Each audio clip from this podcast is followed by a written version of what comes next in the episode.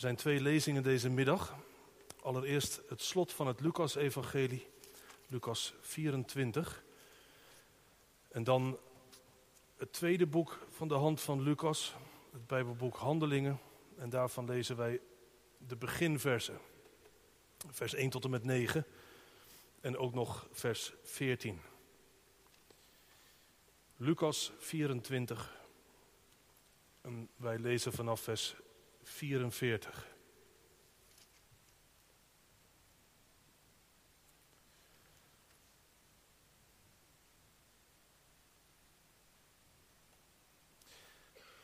En Jezus zei tegen hen, dat zijn de leerlingen, dit zijn de woorden die ik tot u sprak toen ik nog bij u was. Dat alles vervuld moest worden wat over mij geschreven staat in de wet van Mozes en in de profeten en in de psalmen. En toen opende hij hun verstand, zodat zij de schriften begrepen. En hij zei tegen hen, zo staat er geschreven, en zo moest de Christus lijden en uit de doden opstaan op de derde dag. En in zijn naam moet onder alle volken bekering en vergeving van zonden gepredikt worden, te beginnen bij Jeruzalem. En u bent van deze dingen getuige. En zie, ik zend de belofte van mijn vader op u. Maar blijft u in de stad, Jeruzalem, totdat u met kracht uit de hoge bekleed zult worden. Dan handelingen 1. Het eerste boek heb ik gemaakt, O Theophilus, over alles wat Jezus begonnen is te doen en te onderwijzen. Tot op de dag waarop hij opgenomen is, nadat hij door de Heilige Geest aan de apostelen die hij uitgekozen had, opdrachten had gegeven. Hij heeft zichzelf, nadat hij geleden had, ook levend aan hen vertoond. Met veel onmiskenbare bewijzen, veertig dagen lang. Waarbij hij door hen gezien werd en over de dingen sprak die het koninkrijk van God betreffen. Toen hij met hen samen was, beval hij hun dat zij niet uit Jeruzalem weg zouden gaan, maar de belofte van de Vader zouden verwachten, die u, zei hij, van mij gehoord hebt. Want Johannes doopte wel met water, maar u zult met de Heilige Geest gedoopt worden, niet lang na deze dagen. Zij dan die samengekomen waren, vroegen hem, Heere, zult u in deze tijd voor Israël het koninkrijk weer herstellen? En hij zei tegen hen, het komt u niet toe de tijden of gelegenheden te weten die de Vader in zijn eigen macht gesteld heeft. Maar u zult de kracht van de Heilige Geest ontvangen, die over u komen zal. En u zult mijn getuige zijn, zowel in Jeruzalem als in heel Judea en Samaria en tot aan het uiterste van de aarde. En nadat hij dit gezegd had, werd hij opgenomen, terwijl zij het zagen. En een wolk onttrok hem aan hun ogen. En dan vers 14. Deze bleven alle eensgezind volharden in het bidden en smeken. Met de vrouwen en Maria, de moeder van Jezus, en met zijn broers. Tot zover de lezing voor deze middag. De tekst voor de verkondiging is één zin uit vers 8. Deze woorden van Jezus, deze belofte. Maar u zult de kracht van de Heilige Geest ontvangen die over u komen zal. Thema voor de verkondiging is kracht ontvangen. Gemeente van Christus, hier en thuis met ons verbonden. Na Pasen pakt Jezus de draad weer op. Veertig dagen onderwijst hij zijn leerlingen over het koninkrijk van God. Want daar is het Jezus om te doen. Het koninkrijk van God. En ik stel me zo voor dat terwijl ze daar met elkaar over in gesprek zijn, Jezus en zijn leerlingen, dat zijn leerlingen zich weer herinneren hoe dat begonnen was. Die geweldige doorbraak toen Jezus kwam, dat is wel wat geweest natuurlijk. Overal vandaan kwamen de mensen toegestroomd. Zieke mensen, hongerigen. Ze werden genezen en gevoed. Bezeten mensen werden bevrijd. Mensen die ruzie hadden, die begonnen het ineens bij te leggen. Mensen die bang waren, die kwamen hun angsten te boven. Het was net alsof er een nieuwe wereld doorbrak. Dat hebben ze gezien, met eigen ogen. Maar toen ging het mis. Wat zo mooi begon, dat liep slecht af. De initiatiefnemer, Jezus, die werd gedood. En als dat gebeurt, dan houdt alles op. Tenminste, dat dachten die jongens natuurlijk. Nu houdt alles op. Maar toen gebeurde het ongelooflijke. Waar niemand op had gerekend. Het werd Pasen. Jezus stond op uit de dood. En als dat waar is. En, en ze zitten nu toch met hem te praten. Dus ja, het is waar. Ja, dan kan alles, hè. Als het Pasen kan worden, dan kan alles. En dan gaat het dus met dat koninkrijk van God ook helemaal goed komen. En je ziet ze denken, die jongens. De grote doorbraak. Die komt eraan. Dat kan nou toch niet lang meer duren. Vandaar dat er één opstaat en zegt: Jezus, zult u nu, in deze tijd, het koningschap in Israël herstellen? U gaat dat toch zeker nu wel doorzetten? Er staat u toch niks meer in de weg? Ja, dat is ook zo, hè? Dat heeft Jezus er denk ik ook uitgelegd in die 40 dagen. Dat hem niks meer in de weg staat. Dat het kruis, dat neemt hij ze ook even mee naar terug, dat dat maar niet een mislukking is geweest, maar dat hij juist daar heeft afgerekend met alles wat dat koninkrijk van God nog in de weg staat. Dat koninkrijk dat komt natuurlijk niet uit de lucht vallen, maar dat heeft Jezus in de diepte bereid toen hij stierf aan een kruis. Heel de puinhoop die wij er met elkaar van hebben gemaakt van deze wereld, die kwam op hem. Al ons kwaad, al ons egoïsme, al ons onrecht. Het kwam op hem en hij ging er kapot aan. Hij ging er dood aan. Maar met dat hij er dood aan ging, nam hij het ook met zich mee, de dood in. Om het daar achter te laten. En hij stond eruit op. Hij is er te boven gekomen. Het kwaad is overwonnen. Nu is er vrede en verzoening bereid.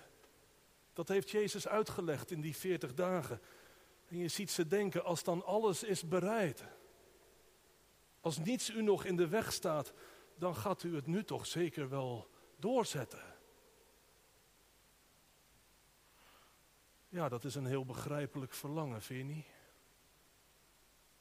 Daar verlang je toch ook wel eens naar, denk ik. Naar die nieuwe wereld van God. Die wereld van vrede met Hem en met elkaar. Eindelijk verlost te zijn en bevrijd van alles wat je er hier soms nog onder kan houden. Die machten waar je zo aan kan lijden, een ziekte of een eenzaamheid of een diep gemis of een angst. Er is zoveel wat ons hier zomaar weer onder de voet loopt, toch? Zoveel wat om te huilen is. Maar als u het dan heeft bereid, Jezus, die, die nieuwe wereld, en als niets u dan nog in de weg staat, zet het dan door. Laat het dan zo gezegd afgelopen zijn met die puinhoop hier beneden, dat uw koninkrijk nu komt. Begrijpelijke vraag. De profeten in Israël, die hadden het beloofd. Als de Messias is gekomen, dan zal hij op de troon gaan zitten van David in Jeruzalem. En dan gaat het gebeuren. Dan breekt het rijk van God aan. Om te beginnen in Jeruzalem. En vanuit Jeruzalem zal de shalom zich verspreiden over heel deze aarde. Dat is dus beloofd. En ja, als die Messias dan ineens bij je in de kring zit. Pal voor je neus, zo gezegd. dan is het toch niet zo gek hè, dat je dan denkt, dan gaat het nu zeker gebeuren. Gaat u nu het koningschap herstellen, Jezus? Daar is natuurlijk niets mis mee met dat verlangen. Er zijn uitleggers, kwam ik tegen, die vinden die vraag van de leerlingen wat ongepast. Het zou zogenaamd te aards gedacht zijn, alsof het Jezus om een aards koninkrijk te doen zou zijn. Nou en of. Nou en of. Die leerlingen stellen wat, wat mij betreft helemaal de goede vraag. En die vraag die, die komt niet maar wat op uit hun fantasie. Die vraag die komt op uit wat God zelf heeft beloofd. En, en, en uit wat Jezus aan het licht heeft gebracht. Het koninkrijk. Waarom zou je niet mogen verlangen dat het met die wereld van nu ook een keer gedaan is? Dat we voorbij komen aan het kwaad en het onrecht en de terreur. Dat er een nieuwe aarde komt. Waar ruimte is voor iedereen. Waar geen mens nog hoeft te bedelen bij een prikkeldraad om eten. Nieuwe aarde waar niemand meer tekort zal komen. Waar je geen dag meer tegen je werk hoeft op te zien. Waar je lijf nooit meer zeer doet. En waar je nooit meer afscheid hoeft te nemen van iemand van wie je zielsveel houdt. Is toch niet zo vreemd, dacht ik. Om daarna te verlangen, vind je wel? Het is beloofd. En als er één helemaal voor is gegaan, voor die nieuwe wereld, dan is het Jezus.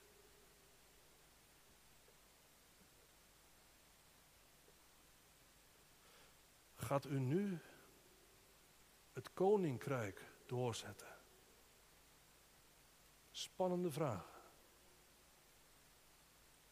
En dan het antwoord van Jezus beetje ingewikkeld antwoord wat hij geeft. Hij zegt, het komt u niet toe te weten de tijden of de gelegenheden waarover de Vader de beschikking aan zichzelf heeft gehouden.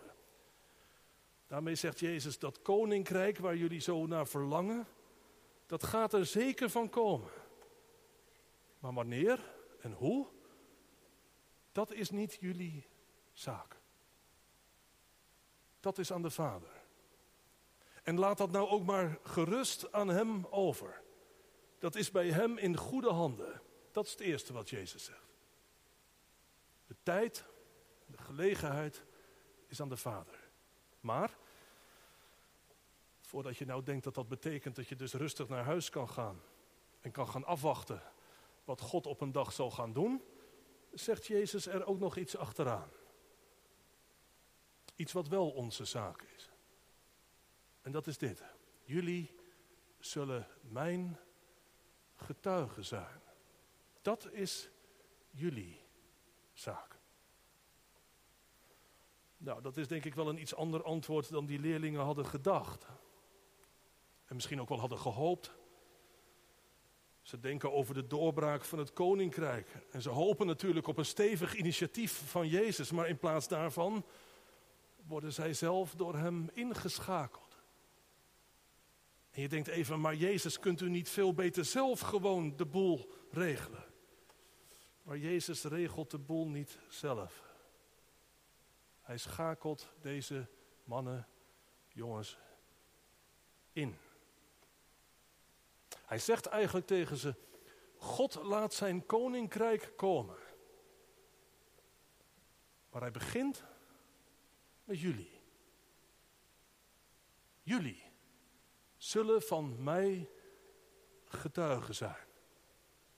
Jullie zijn al getuigen. Het is ook niet een vraag hè, of, of ze het nog willen worden of zo. Ze zijn het. Ze hebben Jezus met eigen ogen gezien. Ze hebben hem gehoord, ze hebben meegemaakt. Zij zijn getuigen. En het is het plan van God om deze wereld tot zijn rijk te maken, te beginnen bij die getuigen. Via jullie, zegt Jezus, zal het gaan. En zal het zich verspreiden over deze wereld. Ben jij ook een getuige? Nu? Nou, ik weet het eigenlijk wel zeker dat je dat bent. U allemaal. Hebt er toch ook wel eens van gehoord? Van Jezus. Het is toch niet allemaal nieuw voor je vandaag?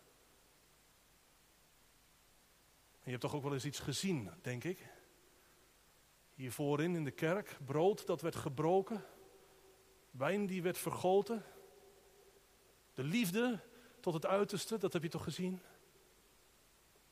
Wij zijn getuigen. Dat hoef je niet nog te worden. Je bent het al.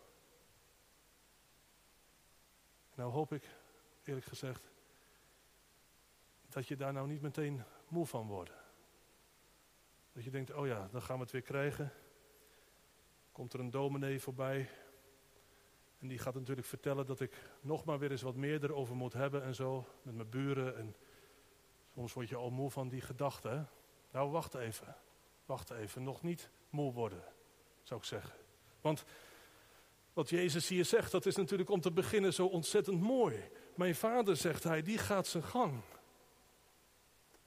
En dat doet hij om te beginnen door jullie.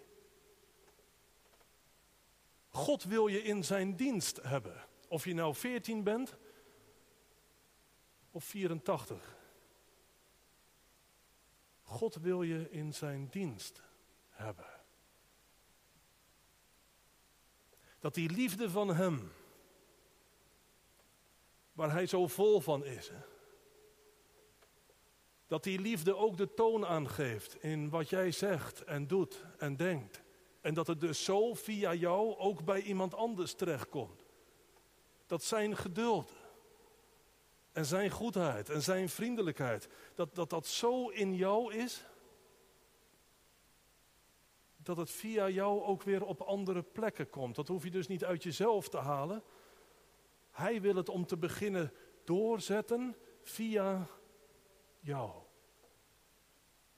Gewoon in het kleine wereldje waarin je leeft. In je gezin of in de kantine of op straat. Goede vraag natuurlijk om eens te stellen. Wat komt er eigenlijk via jou bij iemand anders? Als iemand een tijdje met je optrekt. Wat komt er dan bij je uit? Nou ja, dat is niet zo moeilijk. Er komt uit wat erin zit. Dus eigenlijk is de vraag, wat zit er nou in? Wat zit er nou in bij je? Nou, God zegt, dit is mijn verlangen. Dat wat er bij mij in zit, dat dat er bij jou in komt en dat het via jou eruit komt. Snap je? En dat iemand anders zich daar te goed aan kan doen. Dat het zijne, zo gezegd, via jou, mens voor mens, bereikt. Dus God gaat echt wel zijn gang. En die nieuwe wereld, die zet hij door. Maar hij wil wel bij jou beginnen bij mij. Dat zijn hart klopt in jou. En dat hij door zijn geest met jou uit de voeten kan. En, en, en daar dan, in jou en via jou, dat nieuwe van hem, dat koninkrijk, doorbreekt. Dat zou toch mooi zijn? Of denk je nou, dat is, dat is toch te mooi om waar te zijn? Ik bedoel, om nou zo bezield te worden door God, dat je hele gedachten en je doen en je denken helemaal bepaald worden door Hem. Dat je je werkelijk laat leiden in je leven door wat Hij zegt. Dus ik heb het niet over dat halve hè, van ik doe er nog wel een beetje aan of zo. Maar helemaal door God geleid worden en vol van Hem zijn. Dat zijn hart als het ware klopt in dat van jou. Ja, eerlijk gezegd. Dat is wel een hele tour, vind je niet? Ik weet niet hoe dat bij u zit, maar bij mij komt er zomaar ook wat anders uit. Uit dat hart van mij. En ik denk dat het bij u niet anders is. Dat van God, dat komt er niet als vanzelf uit, hè? Of? Als je dat beseft, dan besef je ook natuurlijk dat je zo ontzettend hard nodig hebt wat Jezus hier ook zegt. Want hij zegt niet alleen, jullie zullen mijn getuigen zijn. Hij zegt er nog iets achteraan. Prachtige zin. En jullie zullen kracht ontvangen. En dat gaat over de Heilige Geest. De kracht van God. De kracht waarmee die doorzet. Doorzet om te beginnen in jou. Dat hij dat van hem doorduwt in jou. En vervolgens ook de kracht waarmee die doorzet wat jij probeert aan een ander over te brengen. Kracht van God. Waarmee die doorzet. Dat belooft Jezus. Kijk, er is een groot misverstand in de kerk. Hè? Dat is dat als je getuige bent, dan moet je dat dus allemaal heel goed kunnen zeggen en zo. Er zijn allemaal cursussen voor om over je geloof te kunnen spreken en zo. Er zijn ook mensen die zeggen dat je natuurlijk eerst een heel groot geloof moet hebben voordat je, ja, voordat je zelf iets kan gaan vertellen. Nou, dat is allemaal echt niet waar. Jezus zegt, jullie zullen kracht ontvangen. Hij zegt niet, je moet een paar cursussen gaan doen of zo. Jullie zullen kracht ontvangen. Dat is een belofte. En dat is een belofte voor zwakke mensen. Of dacht u dat die leerlingen daar bij elkaar allemaal van die helden waren? Dacht het niet. Jullie zullen kracht ontvangen. Zonder die belofte zou ik niet eens durven preken vanmiddag. Want wat is nou een preek eigenlijk? Het zijn maar mensenwoorden, toch? Zwak, kwetsbaar, gebrekkig aan alle kanten. Dat weet ik echt wel. Maar als er Gods kracht in komt, dan kan er wel iets gebeuren. Dan kan het zomaar bij je binnen geduwd worden. Dat doet de prediker niet. Dat is de godskracht. Van boven. Jullie zullen kracht ontvangen. Dat is de belofte van Jezus voor ons allemaal. Wat doe je met een belofte? Nou ja, die neem je niet de kennisgeving aan natuurlijk. Ik weet niet of u getrouwd bent, maar heeft ook iemand je een keer iets beloofd? Je man of je vrouw. Zei, ik zal voor altijd bij je blijven. En dan, ja, dan zeg je natuurlijk niet van, nou, dat is dan mooi. Ook weer geregeld. Dan lig je nog wel eens een keer naast elkaar in bed en dan zeg je, je had het toch beloofd. Toch? Een belofte, die neem je niet de kennisgeving aan, maar die omarm je. En dat is nou ook precies, en dat vind ik zo mooi, dat is nou precies wat die leerlingen van Jezus doen. Die hebben dus niet gedacht, ja dat is allemaal ingewikkeld hoor, wat hij nu zegt. Jullie zullen van mij getuigen en kunnen we dat nou allemaal wel en hoe moet dat dan en zal het ook allemaal wel lukken en zo. Nee, dat zeggen ze allemaal niet. Weet je wat ze doen? Ze gaan naar een zaaltje toe en ze doen het enige wat er nog te doen valt. Bidden. Meer niet. Ophouden met praten bidden. En bidden, dat is nou niets anders dan dat je God houdt aan wat hij jou heeft beloofd.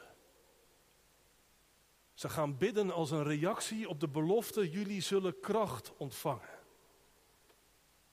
Even tussen twee haakjes. Waar doen ze dat? In Jeruzalem. Wat was dat voor een stad?